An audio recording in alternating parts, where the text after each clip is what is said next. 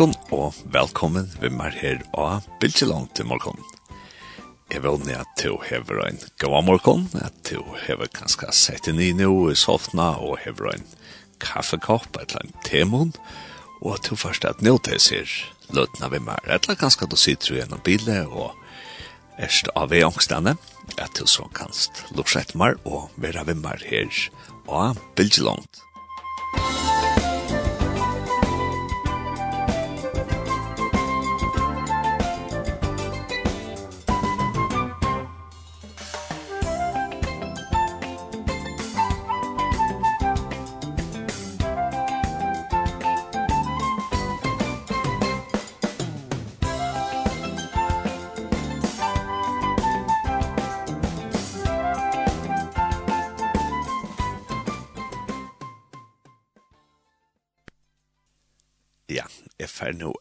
taka et evne opp til såleis at under korona så gjør det folkehølsuraja en kanning og ta vær Magnamor ut der vi et kvalde og fortalte om hvordan folk og følgene har haft under korona. Og han tok fram at til særlig en bølger av folk i følgene som kanskje har haft av trobult under korona og det er til unge. Og her at sett er det kanningar som også var vurst, at unge fargjong kan ska eh, strujas og sinter vi salalega trobløkar. Og jeg har nå finnet Vidjan og Udarstånda, og det er Helene, eh, Helene, etter Helena? Helena. Helena Bjelvåk. Og ja, velkommen Helene. Takk for det. Og um, Helena, Jeg sier det alltid skrøft. Til å få skrive det. Sier du mat. Til Helena, jeg skal du kanskje fortelle dere om syndrom hvor du erst? Ja, det kan jeg gjøre. Um, ja, jeg også er, jeg er salerføringer. Og jeg arbeider i Baden Ungdomspsykiatrine og har gjort det i en av tog nå. Ehm och här här arbetar vi med onkon och bötnon som är onkar och sjuk mistruvast så där ja. Ehm och och annars också jag kanske jag kan kan säga att det alltså jag bor för Jonny och några år annars Lise nirre ehm och have två böten som jag eisne hugsi har har uppleva kanske så här tog och på en annan måte än vi som vuxen gera. Ehm ja. Så ja, og det er sånn spennende gos i mest folk har opplevd, jeg minst det sa i i Nordkjøtene, i Danmark, at, at jeg spurte en av mamma om det var kjellig at døtteren til henne ikke kunne klippe jolla pent og hava omna og appan vi og batna gærmian. Jolla halte være sånn, da. Mm. Men så sier den der mamman, og jeg vet ikke hva, døtteren til meg, hun er tro jeg, Og korona nu var det tvei år, så hon har inte upplevt det her, så hun vet ikke hva det. er. Nei, og det er nemlig akkurat det her, hvis man tenker det helt små og bøttene, omkring dem har ikke upplevt tog inn åren, og omkring dem er ganske så lydelig at jag har ganske glemt hvordan tjänst det er med åren. Ja. Og här på tammaten måten ikke mest ganske brøytingene andre enn i jöknon, til voksne, ja. ja. til det var det två år, ja, det är ikke. Nei, det är nämligen öjla lunch. Jo, ja, så jag husker jeg vi skulle för att uh, ta som mig till vi vi så ung har haft ondt corona och och så är det färja at att nå till sust kanske så vi du samkom om kommer att hacka med drunkon som kanske har haft att ta först under corona. Mm -hmm. Eh ja, så två är på her ute ja. Så det er så där så då. Mm -hmm. Och hva så tror så uppleva att at kanskje ung vi vi kommer att ta depresjon, øyta, ötta, et eller annet sånne salarlige orek som du arbeider vi. Hvordan har de haft under korona, helt da? Mm. Alltså jeg husker det så att det er en stor bölke och en blandad bölke. Ja? Um, så man kan kanske ikke si at de har öll haft det så eller så. Um, men Uh, men hvis man teger det synder, om man säger man om hva kan man söka noen tendenser om vad det är att uppleva. Eh, så husker jeg att det kanske är nek som i början av corona kanske har vi eh, glede om å få sindra et antarro, eh, og kanskje få en pause for at de krøver noen. De unge som kommer er ofte ganske belastet vi at ikke ordentlig mekna krøvene, det er anker og ikke kjøret godt. Ehm så för dig jag kanske få en paus fra skolan det någon få en paus fra är snär socialt perfekta image någon som man nästan ofta ska ha va som onkel. Ehm det kanske upplevdes för nöker eller dejligt så i fyrstene sida, ta var det glad for bare å slippe over hjemme. Anker i hvert fall. Ja. Men så er det sånn, det er sånne ånder som kanskje mer har opplevd blå mer ensamhet. Um, kanskje hvis man ikke er um, beste vinneren tja, sånn er kvann. Så man kanskje vært han som ikke hørte til seg tattaste boblene, som man i begynnelsen bare skulle halte seg til. Um, så du kanskje ikke vært sånn eksamen ved en her som du kanskje... Ska eh jag blev mer och mer ensam att lära skita och var en helt nutjare stöve i ötlen heimen hon ehm och i haft såna gott allt av i. Du säljer kanske ung koks i alltså det har sin förälder men här är akkurat som människor uppgåva är att skilja sig inte från föräldrarna. Så hvis de missa i unge som de skulle gjøre det her fela sammen vi, så missar man faktisk eisen en parst av sin identitetsutvikling. Ja. Akkurat, ja. Um, så jeg husker eisen for somme, ja, så var det en god pausa, et uh, andre rom, men for andre var det kanskje och sån där om ensam kanske hur vi synd mera. Ja, og och och som du säger då är det att att ta man för och minnom skulle först för att här där synter vi identiteten om att nu ska man finna sig själv nu är det shit han gamla fucka skola klass man jack och ju tutchar men till nu vi ner och man är för vi blir vuxen og och mentalt och allt möjligt och så ska man ta minta sig och nekva tog för fram och att man speklas som man vill. Mm floksfellene, og til så sverger for jeg ser. Nei, det er jo ikke ikke sloppene, og i hvert fall det som det har kunnet spekla seg og i hvordan jeg mine bølger enn å ærene. Um, og, og kanskje hevet her eisene gjørst at man um, kanskje hevet mist av sinter av det her med menninger mulighet noen, hvis man skal si det så leis, uh, som man vanlig hever som unger. Um, og, og det er jo kanskje eisen til som man ser etter, at ung, så så lojande som corona blev vi över verande ja har vi mer mer trött av va eh att missa sig möjligen som te eje här vi sin ungdomsliv ja ja ja och te varsler och till mm. stort tilltag ja och egentligen bara gens där vi är vara av skolan och ser man vi hinnon och stämmer precis där ser vi hinnan skärm Det gjør det ikke for frutøyne. Det blir også ikke eisen redd å døkken alle skola til ene, så misser man ganske opp til flere av sånne mulighetene for å være sammen. Ja.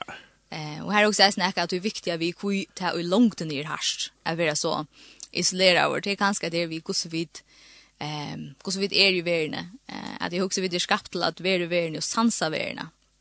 Inte bara suchan och jagna skärm, men meschana eh vi öll nokkara sansom och tar man inte ger till långt då så blir man faktiskt att inte eh understimulerar kan man kalla det. Alltså att kroppen inte är färd till intuition han har bruk för det eh för det att få ett lika goda signal i kroppen om att det är gott och det delar av samma vi öron och att man färd inte tar på samma mat att man samma vi öron och en shame som tar man ner det verlägga någon.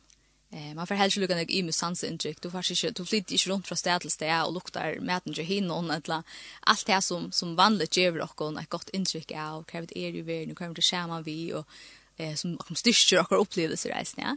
Att därför man heller inte tar man sitter i en skärm. Självt om man tar en kan prata med henne så upplever man det inte alla kan nekvon eh, sansa personer som man annars är. Och, och i första var ju ösnen alla utrotter lokaverna om mm. det inte var alla tunna men så att för en nekromanar och och kanske akkurat gör utrotter något som man gör i ungdomsaren och särliga. Ja, och som är en eller stor part av identiteten som nekvon Mm at man kanskje høyre til bølgen av timon som spiller håndbølt. Man høyre til bølgen av timon som er det innenfor fotboll eller hva det nå skal være. Så det er jo eisen en par av identitetsmenneskene som, som ikke bare for frem av skolen, men eisen i øren ungdomsbølgene. Ja. Til et, et arn vi fører til akkurat som Gustav har haft det. Du, du nevner at, at i fyrsten ser som kanskje heva trolig vid depresjon og etter og så videre, ja.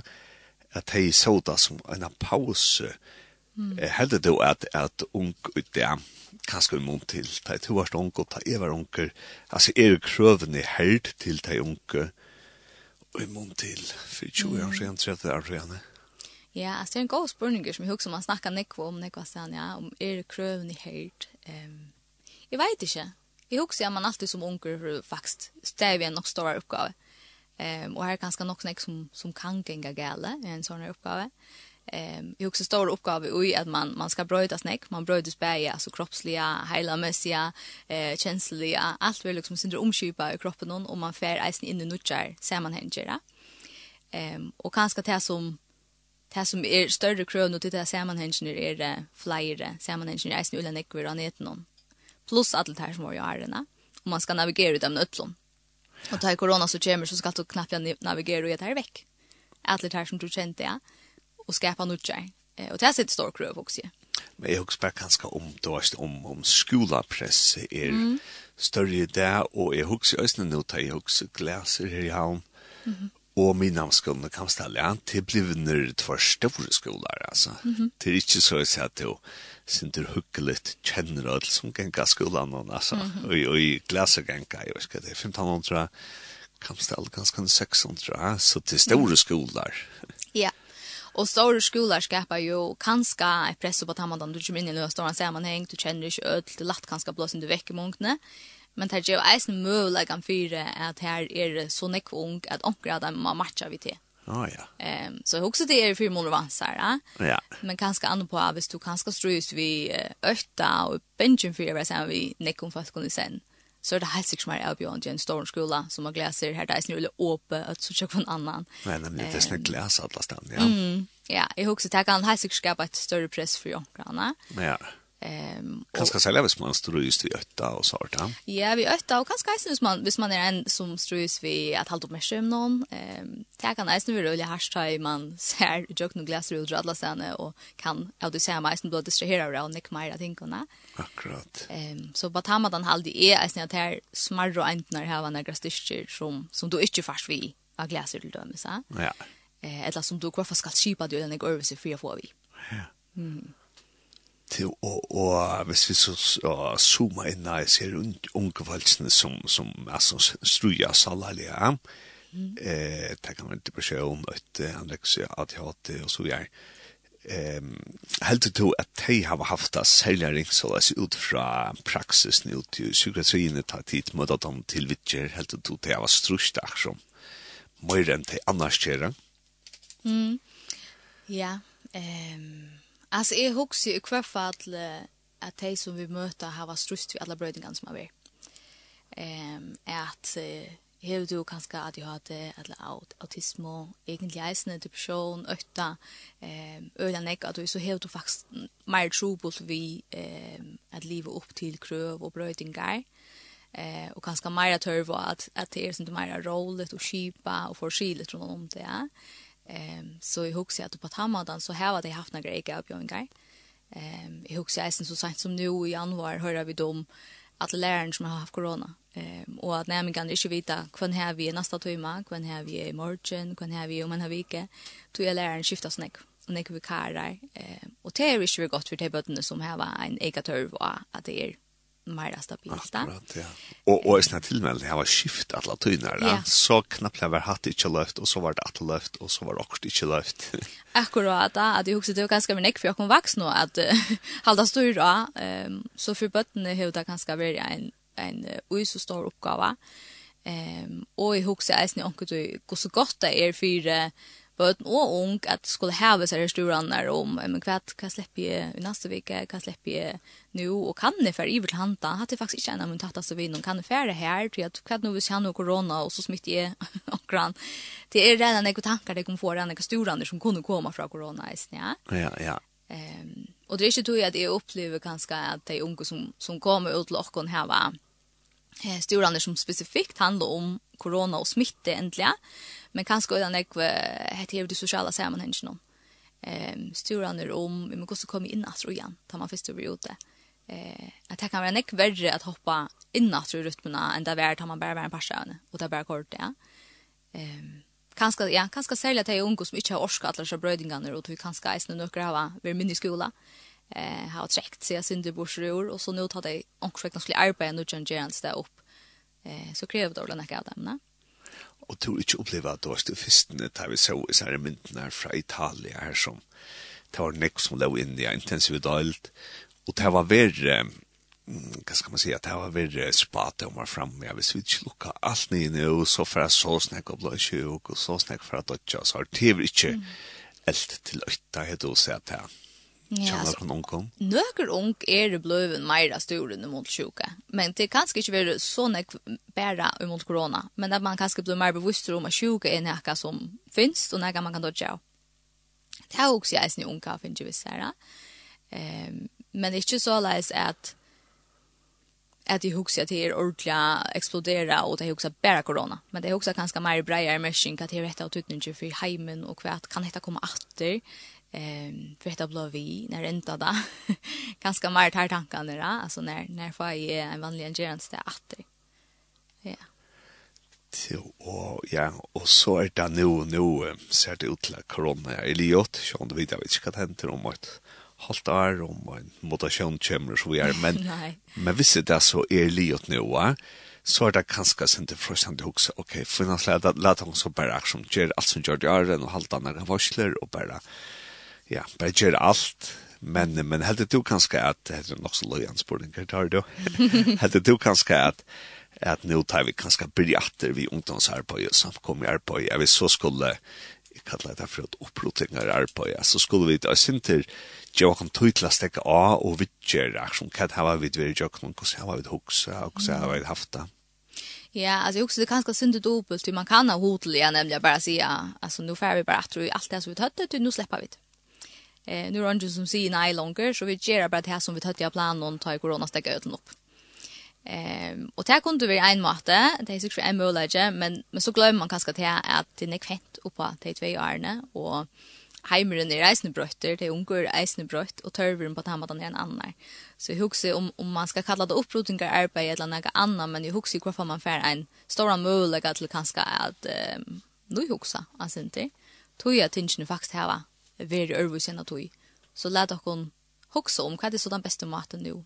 Pjøs kanskje ikke køyre i eh, rutinene, tradisjonene, hva det har vi gjørs fyr, hva det rikka fyr. Det kanskje er det en tendens til at det som er rikka fyr ikke rikka lukka vel i enn at. Så kanskje man skal hoksa lusen til ut ur boksen i hoksa, da man nu finnes tamme og like, Anna. Ja, jeg husker ganske mer, hva skal jeg si, antallet eller så, at, mm. at hvis en ung møter opp til dere samkommer, og de hava kanskje mer enn den her eh, angsten for sjuker, mm -hmm. og at de hava velja, veldig som og og på en måte li under korona, skulle vi mm -hmm. jeg vet ikke, skulle vi eh, ja, kanskje teka det opp som et evne, at man mm. boar at, at god er vi jokken, og god hever vi jokken, og mm -hmm Ja, jeg vet ikke, hvis man har haft akkurat og er tungt, og god kan lete det, og ja, jeg vet ikke. Jeg husker, det kan man godt. Altså, man kan godt takke det opp som evne, det er jo hent. Um, og det er noe som jeg husker, man godt som eh en bølger, eller som ungdomsmøte, eller hver man nå samles noen ung kan ta upp. Men i huxar är det lugga så at man skal um, huske det synd som at eh, det er en relasjon som er blevet vekk vi til at folk ikke sloppna møtast. Og hun skal bygges stopp at Du, hvis du har relasjonene, så kan du komme inn i stingene. Hvis du ikke har relasjonene, så blir det kanskje sindre i utlatt hvis du først har vita. Eh, og det er godt. Altså, det er godt å få vite andre har haft sånne tankar som du, andre opplevde seg som du. Så godt gå byrjan. Eh? Jeg snakker sindre om det at, at, at andre ung, hvordan man har opplevd det.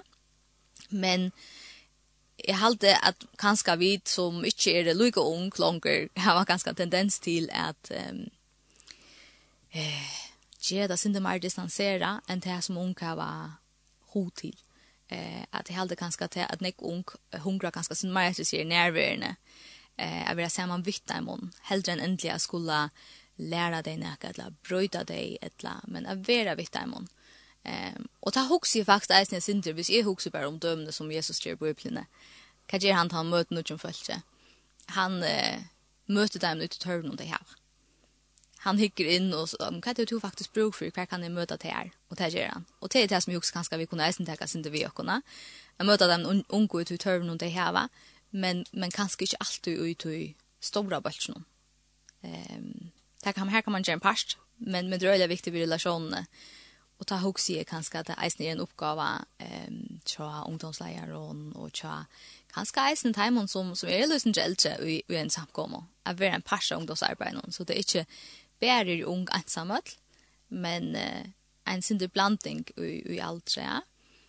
Her, her de som, som er sin til eldre eisen er vi i en relasjon, og ikke vi i at jeg vet bedre enn to, men uh, vi har en relasjon og vi kan lære på nøyren.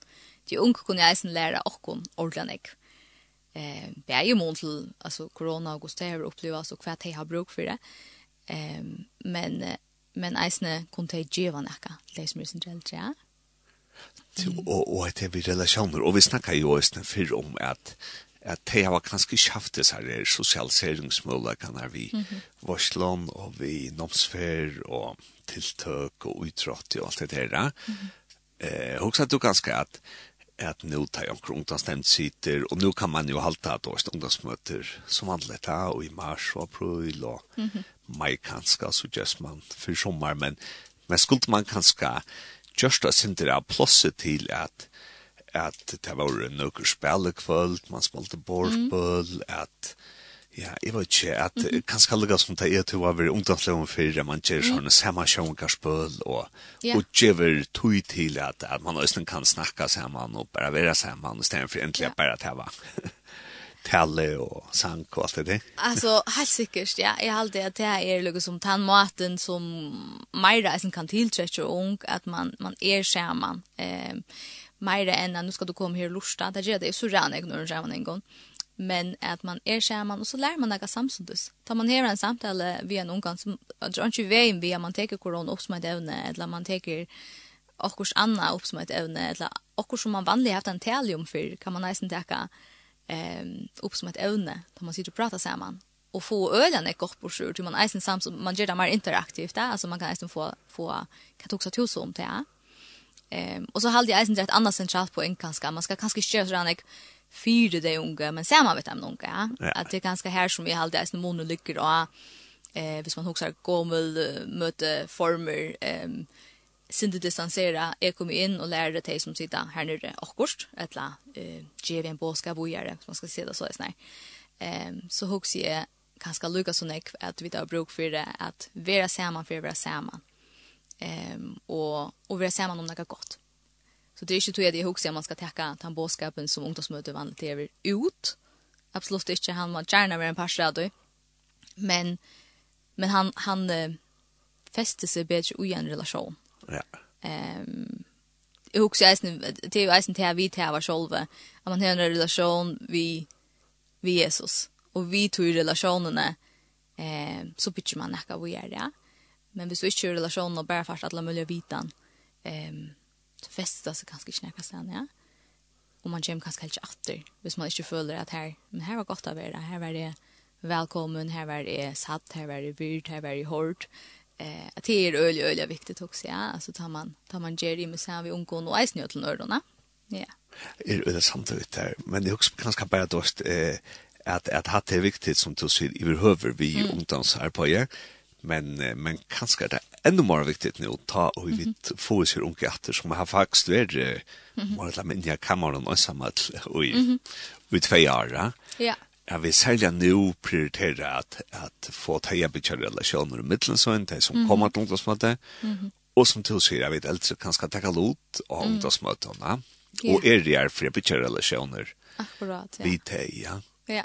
Jeg minns jo hva for så, og det er jo glad for ta og teg fra, nå var det i mens noen sondagåsmøte og ungdomsmøte, ja, at det er fra sondagåsmøte noen kom jo var en pers av ungdomsmøte noen. Det er ikke alltid at jeg var sånn, jeg ser man vi akkurat vi som var her, men jeg følte det som et sort. Tid er jeg til suttjokken, og tid er uh, interesserer jeg jo jokken. Um, og til halde jeg gjør jeg snakk av en samkomma, at det er ankorsvekkene blir synd til mer relasjon, og ikke bare et møte vi kommer til. Ja. Ehm och jag halde helt säkert akkurat här borspel till dömes. Det är ett som kanske syns ofarligt. med vi ju. Jag syns att man hör några avbjörningar. Ehm så är ett borspel avgränsa man vet kärna regler hålla sig till. Vi pjörs inte bara sitta och prata alla då det pjörs blå syns så snär. Jag vet inte vad jag ska säga. Eh, vi kunde spela detta spel och så pratar vi tills vi hot till. Ja. Så teker lösen en press av, va? Ja, spela ja. så spel i mun till bara att ja men nu kommer vi då vi är där bara samman eller vi uh, prata samman få en kaffemån samman. Så mest kan vara ordla gott, men det kan vara synd ringt hvis man är pura nudger och kanske är det synd ovänner vi ända ner sociala sammanhängen hvis man har varit i annat hem som är varit sin med avskårdarna. Och här också när jag är ung som har imskar, alltså fysiska sjukor som har gjort att det har varit att passa mer på med en coronavirus. Och inte har kunnat komma ut i stora sammanhängen. Um, så det är inte bara att det här sjalalia björngan som kunde um, avskärda det är unga från kornøren, men det kan nästan ha varit mer enn til at som vi har jo eisen haft alvorligere avbjøringar vi, at hvis de finner korona, så kunne det bli ordentlig alvorlig da. Um, så her husker jeg eisen at de, de har glede av å slippe inn i en sammanheng gatter her som underungere, og, og kanskje gjøre det på en mindre farlig måte enn en kom nu her og snakker vi okken. Jo, og så hvis nu vi ser nå huxar vi til oss det, nå for onkel ungdomslags la lust etter å komme og tilfelle at jeg kjenner ikke borspøl, og jeg var gått til gott prat och kanske en film och mm. och så där popcorn och allt det där och gäng och turer och allt möjligt. Mm. Och så kanske att något form av nära så begynner en ungdomslagslad och det jag vet inte här är kanske en jenta og två ranger som, som altså ordentlig har haft ringt under korona, mm -hmm. og de har vært kan ötta og de har vært ringt til alt mulig. Eh, hvis vi tenker en ungdomslagslang, hvordan helt til så at jeg skulle møte sånne folk som kanskje viser hva skal det, altså at det er slett ikke godt, for jeg ser tro i unge, ja? Ja. Hva skal man så gjøre helt til? Alltså är alltid det är viktigt för det första såcha att jag är ordentligt ordentligt gott en ungdomsläsla. Mäknar såcha kvar är det att han unga som är här som kanske har bruk för Lucien Jaika för att komma åter och uta gå och eller kan man ska kalla det.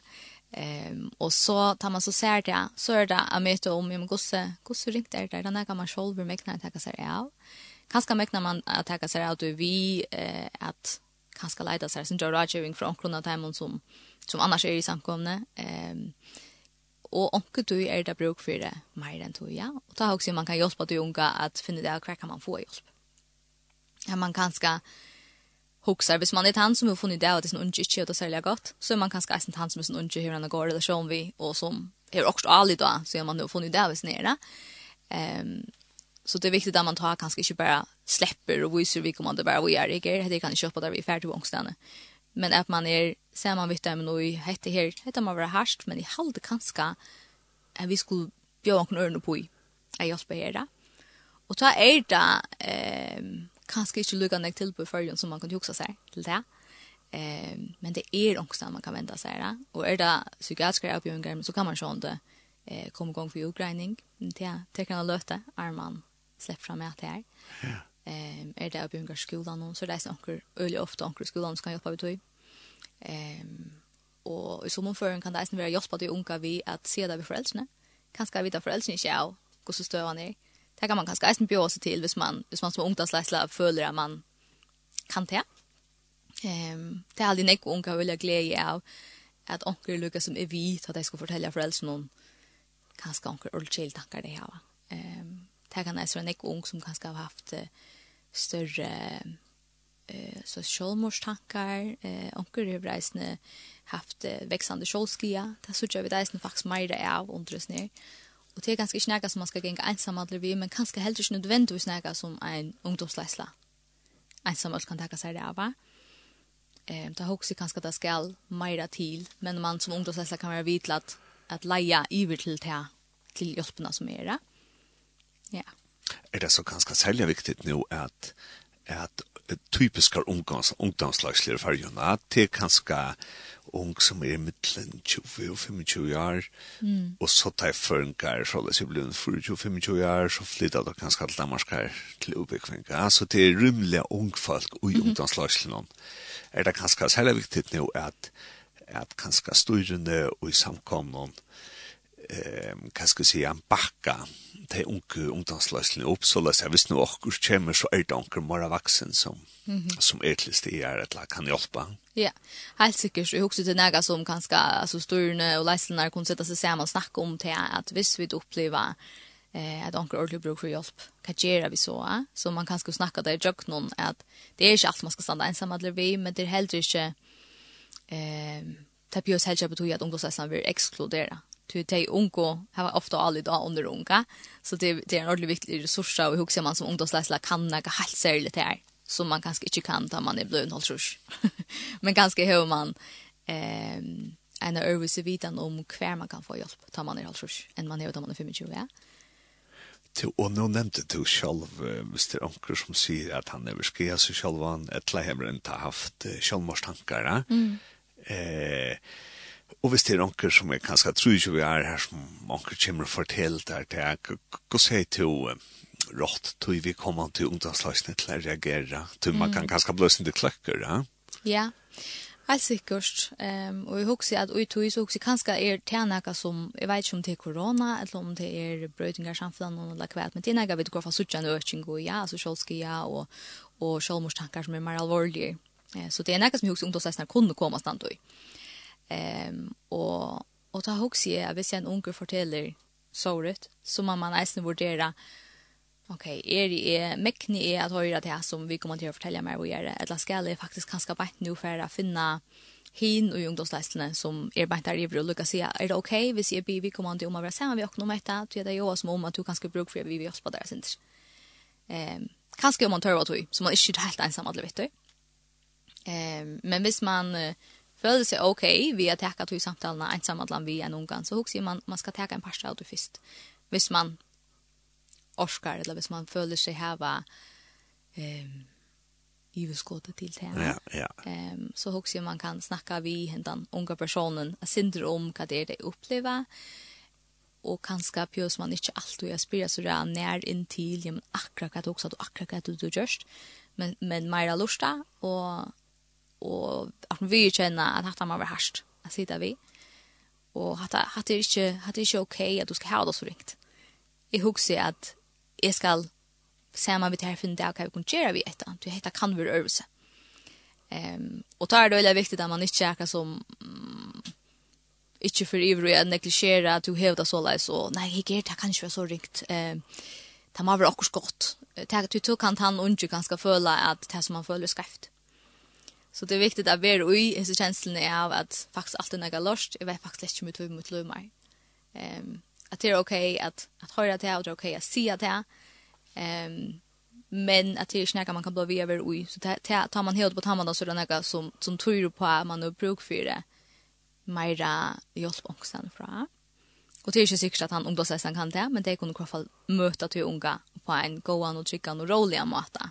Eh, akkurat ta, han undrar vill säga det til å lukke en disclaimer sånt der til Helena at jeg visste at så er en unger som sier da, at at jeg er alt meg gjør det av ukvöld og jeg har då är det jag har finns mer att röp att jag har skaffa mig så snacka tabletter alltså visst det blir så konkret som mamma får på en väg och säga ja.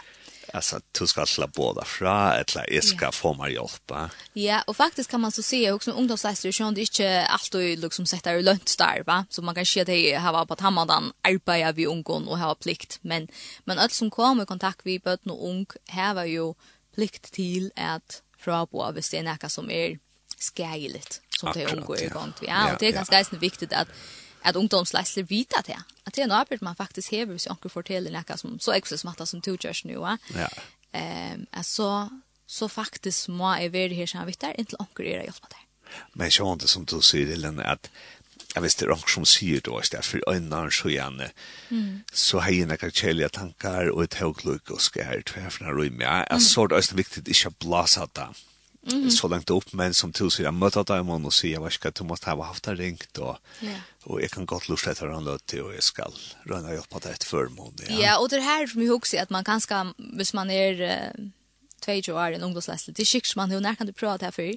Så det tog ju också tack ganska fett i en och en person. Spyr vi kommande kan jag lucka bia handan eh sidan här sen vi har kon till att till att det som du fortäller mig också är att vi vi skulle lucka ta kontakt till.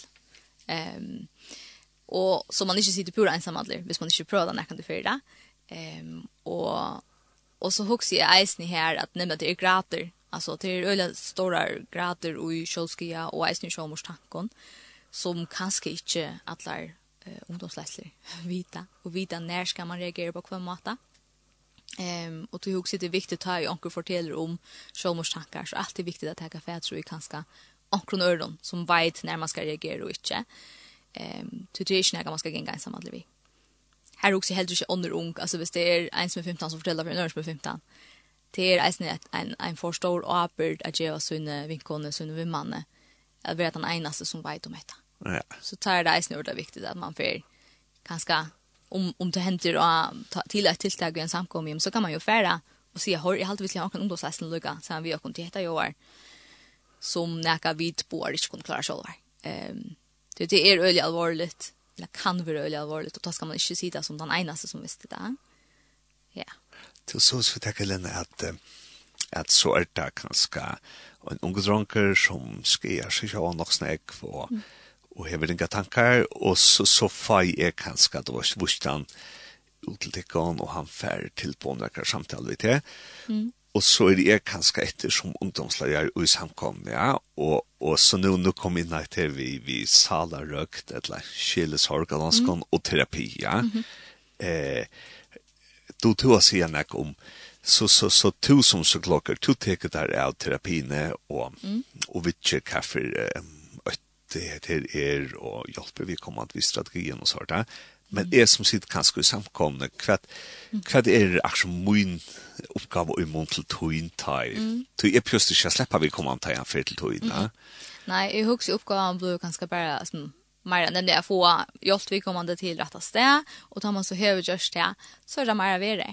Altså, eh kanskje är og a spør om man skal köra en bil til sammen, eller är og a hvis man legger mest til, ok, vi kommer att platta allt jag kommer till onkel tiltak som våre, og kommer nu inte för att skriva lite till vi kommer inte.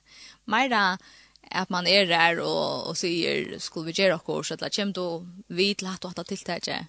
Så är snarare vi kommer inte vajda bara att vi är här några avbjörningar och har fortalt henne och så är vi det. Ja, Akkurat. Alltså, så fyllt jag dem om uppe eller så. Ja. Mm. ja. Det har också är en viktig part i mån till alltså relationerna att det kan man man lägger något i hin eisnutai hin strist. Det och vi snor kanske ta bottnar og jeg testen Jonkren, han hever lagt kjolsvid, ja.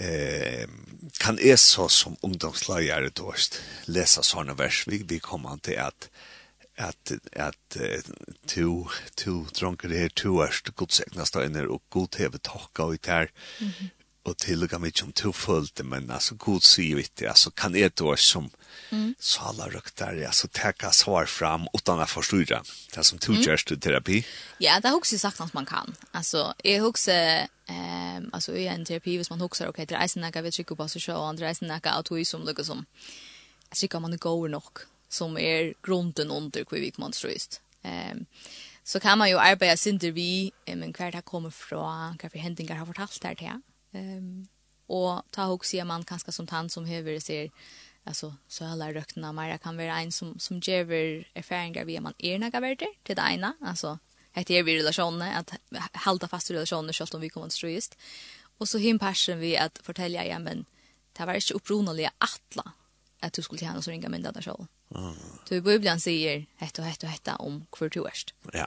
Ehm och och ta hooks är eisne mm, at at jeg har gode erfaringer til å snakke vi ung utenfor mot arbeidet, men og som jeg har møtt meg og i samkommet og i vei, um, at at nek kanskje har en affætan av, ja, men jeg skal hette og hette og hette. Eisne ui samkomne, for jeg vil akseptere over.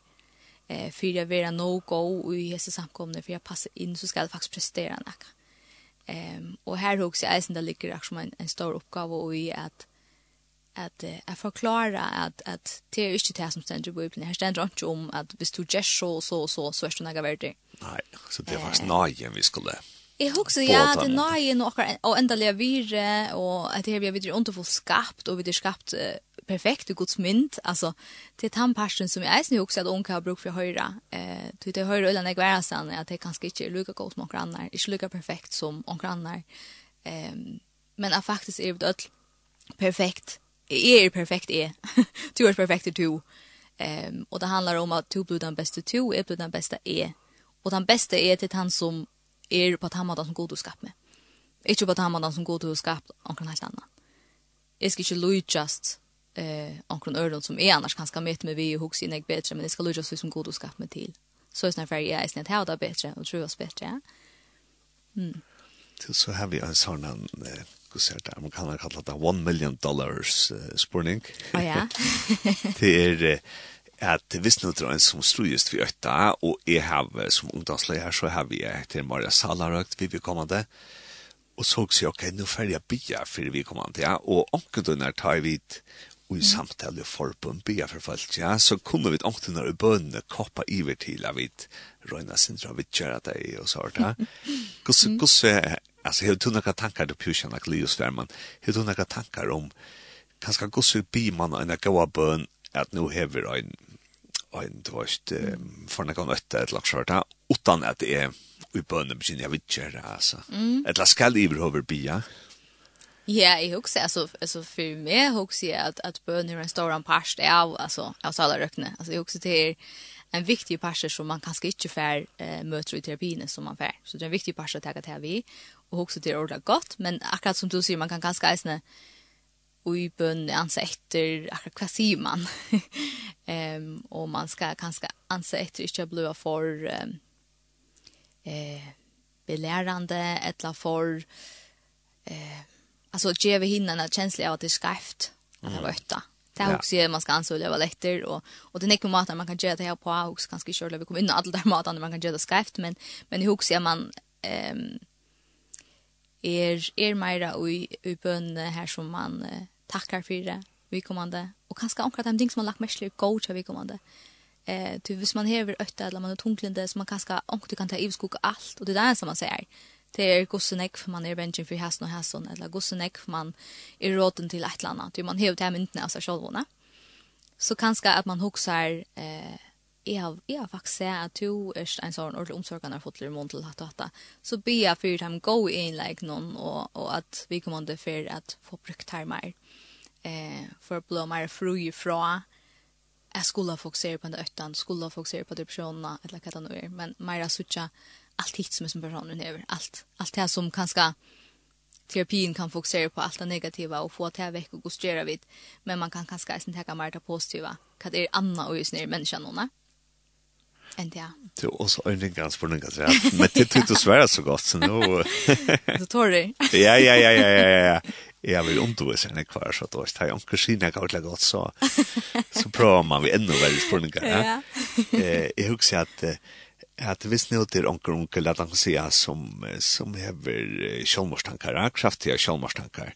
Mm. Och så sitter jag som ungdomslärare och snackar vi för komma det och så säger han vi med du kan så ikke bare be om at jeg god må takke deg vekk. Mm. Og så også jeg lysen til, ja, ok. Han vil etter her, så det vil jeg gjerne be om, men himmelen, han har snakket med meg ganske dårst. Og jeg tror ikke han var ja, så mm -hmm. ganske, ganske er det vi kommer skal færre vidtjer. Mm -hmm. Ja, jeg vet ikke, skilt du akkurat dilemma i. ja, altså, jeg husker akkurat som ankorsvegner er det et dilemma som alt som trykva och som trycker på gröjning ehm konstant då ja. Tar man sen sen med människor som ströjes ska man eh, bya och heta förväck eller ska man göra för annat ehm och och här också är kvar för det är själv eh, som talar för arbeider jeg ju vi en örmata att uh, gro opp av, hvis man ska se det så. Eh det är ju det är absolut inte som eh ehm eh upplevelser vi gröing som det som Jesus har gjort i Bibeln men men i hooks man kan göra på annan mat man kan eisen sätta folk i fraser vi eh vi samröv man kan eisen sätta folk i fraser vi jag hjälper dem in och eh en gå terapi eller en gå sammanhang. Så man kan ett medicinska vitcher för transaktionellt alltså att det är det nekvevejer till att få det bättre. Och i hooks inte att han enaste så att man kanske den sig i hever jag bi och så var det veck det är ganska han som ehm är latter här nu och som man kanske tar man hela ringt inte så här till man inte bara att vakna morgon och allt rörelse. Ja. Ehm det går för det liksom säga att det är kunde faktiskt gott bara huxa mer att sona när det är att jag vaknar jag så är det veck. Ehm och kanske snäcka åt hem som har självmordstankar har andra tankar. Ja men visst nu alltså kanske inte ordla vill dodja men det vill kvar för en pausa. Ehm och och och typ pauserna huxar inte alltid vid få. Jeg husker ikke noe gale i å bya at dette hjemme ble vekk. Um, men det er ikke den eneste måten, og kanskje man kan hjelpe ved å vise dem noe til at det er ikke den eneste måten å få det bedre. Og anker du husker jeg for selv, hvis jeg skal huske munnløk, at jeg har ikke gjort noen, så det anker det er godt til mer, vi tar en opplysning i fag, vi har ikke gjort noe. Ehm och istället för at det bara blev lite veck från mig ett låtsas nära, hvis man skal se det så. altså så hooks jag det har lärsnäck från motgång som jag har haft. Eh og, og det er ikke så at jeg husker at et målgång som vi får er uh, god for oss, slett ikke. Men jeg har finnet noe positivt på å oppleve at komme for forbi målgångene. Altså, jeg kommer henne veien, så finner jeg eisen, ok, til eisen er styrke mer, at jeg mekner hatt og hatt. Eh, ofte har vi gåen for at kunne om meg. Eh, så jeg husker at det er, eh, det er ikke alltid at grøyen kjører noe utjøkken enn bøn er svære. Men, men det er ikke et enkelt svær, också, ja. altså, om man skal gjøre det her, lite, då kommer spyr. Nei, Nej. Jag har också lyssnat till det är blir för forfalt, ja. og nå tok jeg det dømme, jeg visste det onker som då stod och snackade vi i långt tog, ja. Och Og, og du sier akkurat det til at Jesus møtte følge, så, så knytter han seg til deg og sier akkurat hva det ligger der av hjertet. Mm. Og så husker jeg løsende til jeg blir for, for følge, hvis jeg ikke kommer og sier, du kan du ikke be av meg at jeg går med å takke til vekka, så, så husker jeg faktisk at at alt for en öjna för eller latt för sjuka för så er tids där för fulla alvor, mm. och bi uttrykk for meg god mat här kan vecka ja. Og så kanske är hva skal jeg si, at når för sjuka veckor hvis jeg god ikke tids där veck mm. så kanskje kanske snacka sen vi vi kommer til å modellere bønna så la oss at ja, man god hjelp bak oss og tjøkken om det, og vi vi og og tjøkken etter det. Ja, og hos eisen tar man byer, altså, eh, Onke du, ja, så fer och vekk beina ena Ja, Ja, eh, og det vet jeg vet ikke, Ja. Nei, onke du så banar da kanskje mer vägen för til hjelpen som man bruk for det. Altså, ja. onke du gjør det isne eh, tingen alltså onke du rikker bøn på annan måte enn vi dattla vokkon, enn ja. Det som vi först huxar av, men hon rikker. Så jag också inte när gal ju att tacka så bönna. Samma vi tog som sitter. Och så kanske samstundes för inte att vi kommer ska bli ordla ehm eh kanske så snart bonsvigen visst att så skicka bena vägen. Se att ha är en möjlighet för att få det bättre, men här är några är det resne. Ehm och och här kommer vi isen pröva. Ja. Ehm så det snart att det inte blir att det bara en möjlighet att han kickar är ja men så kan det lucka så gott. Inte värre mer tog jag att som är att jag skulle dricka som vet ena smula smulage dricka inte. Akkurat. Ja. Så jag var störst ännu efter. Jag får lucka att jag syr oss inte. De har gått för att gläsa av eller en, en dropp av vatten hvis du mm. stämmer igen. Så akkurat här har vi vitsan av Helene Bjelvåg och i Udarstånd här i Bölkjarbrekka. Och vi tar vatt oss om heter vi Unkon och hva det har oppleva under korona her som en kanning fra folkhälsoran om vuxte at onk har haft det særlig ringt under corona. Og Helena hon er sjalafrøynker og er på rot i Asukratska dalt og gonger oppe i Majasusland i havn. Og ja, og hvis kanskje onker er akkurat kommet inn og jeg til prate som vi har haft og helt etter spennende, så kunne du høre endesending og i kveld klokka 19.30 til og i natt klokka 4 hvis jeg onker oppe da Og man kan også finne til som podcast. Man kan bare løyte av Spotify til dømes og Bilge Langt, og så finner man til pratene som vi har haft. Ja, og så da sørst til denne, til så et mm. annet evne som, som ikke er ordentlig nækka vi korona, men nækka vi ungkån. Mm -hmm. Og hette mine erfaringer er å være nekka vi tjøkken ungdomsarbeid av forskjellige slag, at um, at uh, ta kristna ungdomsarbeid til er tog bedre så såleis at vi roma nok som det kommer folk om her som kanskje, og ikke hvis vi tenker en topp utrått at så skal det då rätta väl så skal det være seriøsere og de som kanskje ikke er så gøy ja men de vil jeg så ikke færre på en utrått men ofta um, eh, kristen ungdomsarbete här eller rumlig mm. men det gjør kanskje at det vi opplever omkring at at kristne ungdomsarbeid kan skal tiltrekke ung som har problemer og og onkutin her kunne kanska eh, ung vi problemer under ungdomsarbeid noen de kunne fytla nok sånn tja en ungdomsløsle um, ja. Ok, hatt det var en lenge spørning. Jeg vet ikke hva spørningen er, men jeg hadde vært støva, men, men um, ja, gusse, gusse, kanskje ui en ungdomsarbeid her som vi har snakket om det før, her som en ungdomsløsla kanskje er ui yngre lei, ja, det er kanskje maks 25 år, mm. eh, gusse er de forfyrir, og hva kom det gjøre kanskje, ta i ung kom her som her var kanskje store avbjørnker, hva gjør man sånn støv? Har du nekka tankar om det? Mm -hmm. Altså hva man göra här også om at det er Roma, altså gusse man kanskje kan göra det her på en gång ja, um, ja ta också det er ganska vi at at vera at han som legger mest til kvar er ganske trobult vi bara at komma in i gång till en aktivitet. Eh, det kan nästan vara som man säger att så borspelskvöld. Kvar är han som faktiskt inte sig sitter igång vid spel. Eh, så också det är att, att för ut till vi kommande och vita, men hur du hotla spela hatta eller eh prova vet han som kanske onkel du tar en sindumar sturand like lot och finner det av att ja men hej kvar hotla vi hästen spelen och därför jag spelar nu. Ehm så är det snart att at det er ikke være så ivelaten til å sitte i en hjørne og selv alltid tar initiativ til at være en parser av fellesskapene. Um, og det er alltid man generelt faktisk er å gå til leisene og i samkommene, og vi husker at at kanskje det er noe som er en styrke vi at ungdomsleisler er unger. Eh, det er ikke lenge siden man selv ganske vil gjøre at man har leit etter en fellesskap jeg passer vel inn i. Så man minnes veldig vel hvordan og vi helt kan være at det ikke passer inn.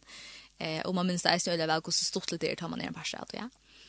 Ehm så jag hoppas att ett är kvar man kanske hur bruk för hjälp till tar man ungar med ett helt annat i resan när man hör att den några styrker och det håller alla ungdomsläsarna sin skola eh minnas då eh att det gör gott arbete och och och att det har något som man inte då sett i lön. Ehm och en styrke vi bara att här vara mer att man kallar det mer relatable eller så snarare. Ehm ta det inte själva är så gamla. Ja. Jo, og jeg husker at at hvis nå da kanskje ungdomslagsklass som opptøyer at Ulla nekv av orskene til ungdomslagsklassen kanskje det er det også fem folk, det er kanskje tyvøst det er fer til at røyne at inkludere noen som kanskje ikke vil passe inn.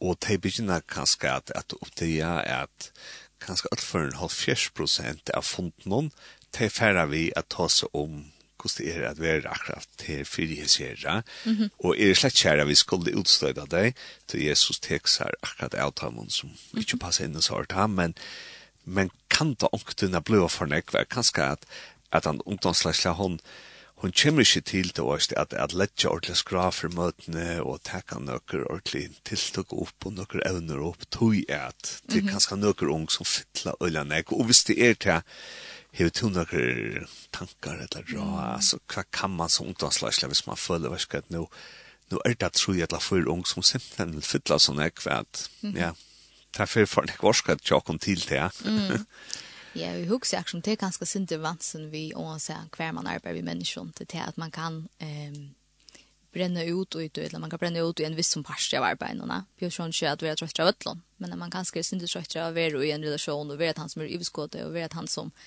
er nekka for en annan. Eh det kan man ju bli trøtt så. Ehm og ta också kanske kanske inte så där vi hese unge, fyra unge som fylla näka göra. Kanske är det att som ungdomsleisla som hur kanske bruk för å få fyllt av onkeln för att orska vara ungdomsleisla. Mm. Ehm kanske mer att han vägen eller har vi bruk för det att Nei, nu har vi er i ungdomsleislene, ikke sånn at jeg er men hin i ungdomsleisle hever. Så kanskje hin, hvis jeg sier til her vi hin, så vet hin at ta vid er her og onkra ta hem en unge som, som vi vet har bruk for Meira um, Meira blåsatt så er det ganska vidkommande som texar at hem og ikke hvis jeg er akkurat nå i kjørse. Akkurat, ja. Så for døyla bilene kanskje. Ja, for døyla og man som ungdomsleisle hukser seg som stål til hver nøyron. Ja. Um, og, eh, og hever en gåan fellesskap saman eisne. Ja. Um, og så ønsken kan atla du vil også for noen annan. Ja. Um, utan er man sjølver eh eisini hevur onkran sum er fyrir te. Ja. Og og sentralt ut i hugsi er eisini, altså forholdet som man sjálvur hevur við Jesus, kva tek man við til han? Eh ta det er okkur sum man upplever skjev eller tungt eller man sjálva veit man skal. Så hugsi man kan eisini finna ølan eg go inspiration i biblinne, i bøn og i øron som sjekva. Ehm vi er vera saman om ta så blöda eisini lagt ja. Så jeg kan også si at, at når man er ungdomsløsla, så, så har man løft å snakke om det, ting som kan gå for seg. Mm. Og som til sier, man kan kanskje dølt vi kan annan at, at uh, akkurat uh, han den her jentan hon drøna med ordentlig. Mm. Og man kunne kanskje også sagt, det var ikke kvart vi er vi kanskje bytta sinter opp at altså, hasi her tvei unke kan du selja taka det i kvöld og nästa kvöld og nästa kvöld så tre kvöld så den annar så kan man komma mm. bussa syndrom va? Mhm. Mm ja, og helt sikkert så her også er det jeg vil være bevisst om. Hvor vi trener vi kommer til at vi anker de høyde ikke vi kommer til å gjøre men ølen ikke vi til sjålen å gjøre hvor vi hatt å trene det. Kanskje reker det et eller annet akkurat av sjålen som du ikke ordentlig vil gå til beint nå kanskje har du et eller annet uten privatløve som som trener det og det tog du ikke utskott det er også ofte ikke til hever näka vid han som krevna gaudar att göra men men kanske ju utskott och själv över det. Ehm så om du huxar äsna man, man kan ta det som center ju för det är det mittelsön men man kan äsna ta det inte som själv och huxa men kan det där vis ner som som gör det för mig. Men men visst det så är en underslagsla som som man upp det är vad ska det är faktiskt det syns stress av nu i årstis och snack vi vi mm. människorna och och här är det ofta undersarbeten att det är så fanner som kunde vara undersarbeten så kanske det vi at man har bruk for å fytle av og bare trakke at han lød. Det er kanskje at det er unge i Løsland kunne ikke det, ja? Tog her er en annen. Ja, og det er jo, jeg husker en, en større trobel, ikke? Altså, som at man, at man mangler først å tenke seg, ja, hvis det er viktig arbeid nå, um, og at man kanskje brenner ut til at det er ikke noen ikke ånder, så det er at du får store oppgaver. Um, og her husker jeg kanskje at hvis man... Uh, delte det løsende minne opp i ungdomsarbeidet og, og vaksenarbeid, hvis man kan kalla det så. Ja. Så det er vaksen kommer hjelpa. Så heimann har sinne mer ressurser langt og her. Ja. Um, ja. ja. Og et annet også, jeg bare minne sitt her, at, at som til sier at, at man må også ansette seg selv om mm. er kanskje ungdomsløsler og også gjøre seg tog til at teiper er sammen. Mm. Og fytle av, altså, jeg vet ikke om det kunne haft en halvan leir det at sier kvamana, mm. her som det ikke dreier seg om hini unge og at uh, letja skra, men mm -hmm. at de som ungdomslagsla kunne være sammen og bia sammen og genga tur sammen et eller annet. Ja, helt sikkert. Jeg husker til reisende videl at jeg var er denne ikke sammen at jeg kjenner kon annan. Um, er man kjenner kon annan så vet man reisende bæg hva at ånder har lagt vi, hva det har ringt vi, hvordan de reagerer i miskon støv og når de har bruk for man kanskje er, altså når jeg har bruk for to er for meg og når du har bruk for er for det. Er eh, mer man känner slaktar blivit han om dynamiken. Ehm så det har också här sig är ordentligt viktigt att ungdomsläsler tacka sig tog till att liksom checka sig synder fra uppgavene, hvis man ska se det så. Eh? Sig synder fra eh, prestationsfokus någon och bara är det. Mm. Och först Lena, öliga spännande det var det. Jag får tacka dig hjärtligt för det att du komst till. Ja, tack för att jag kunde komma. Och allt det bästa vid tunnarpåget. Takk. Og god sikning. Jo, takk for det. Lykke med av Dette var så bildt langt for i morgen. Sendingen var enda sendt kveld klokkan 19.30 og i natt klokkan 4. Og jeg ikke bare at to først at jeg var en valgsikning av det, og i Jesu navnet. Musikk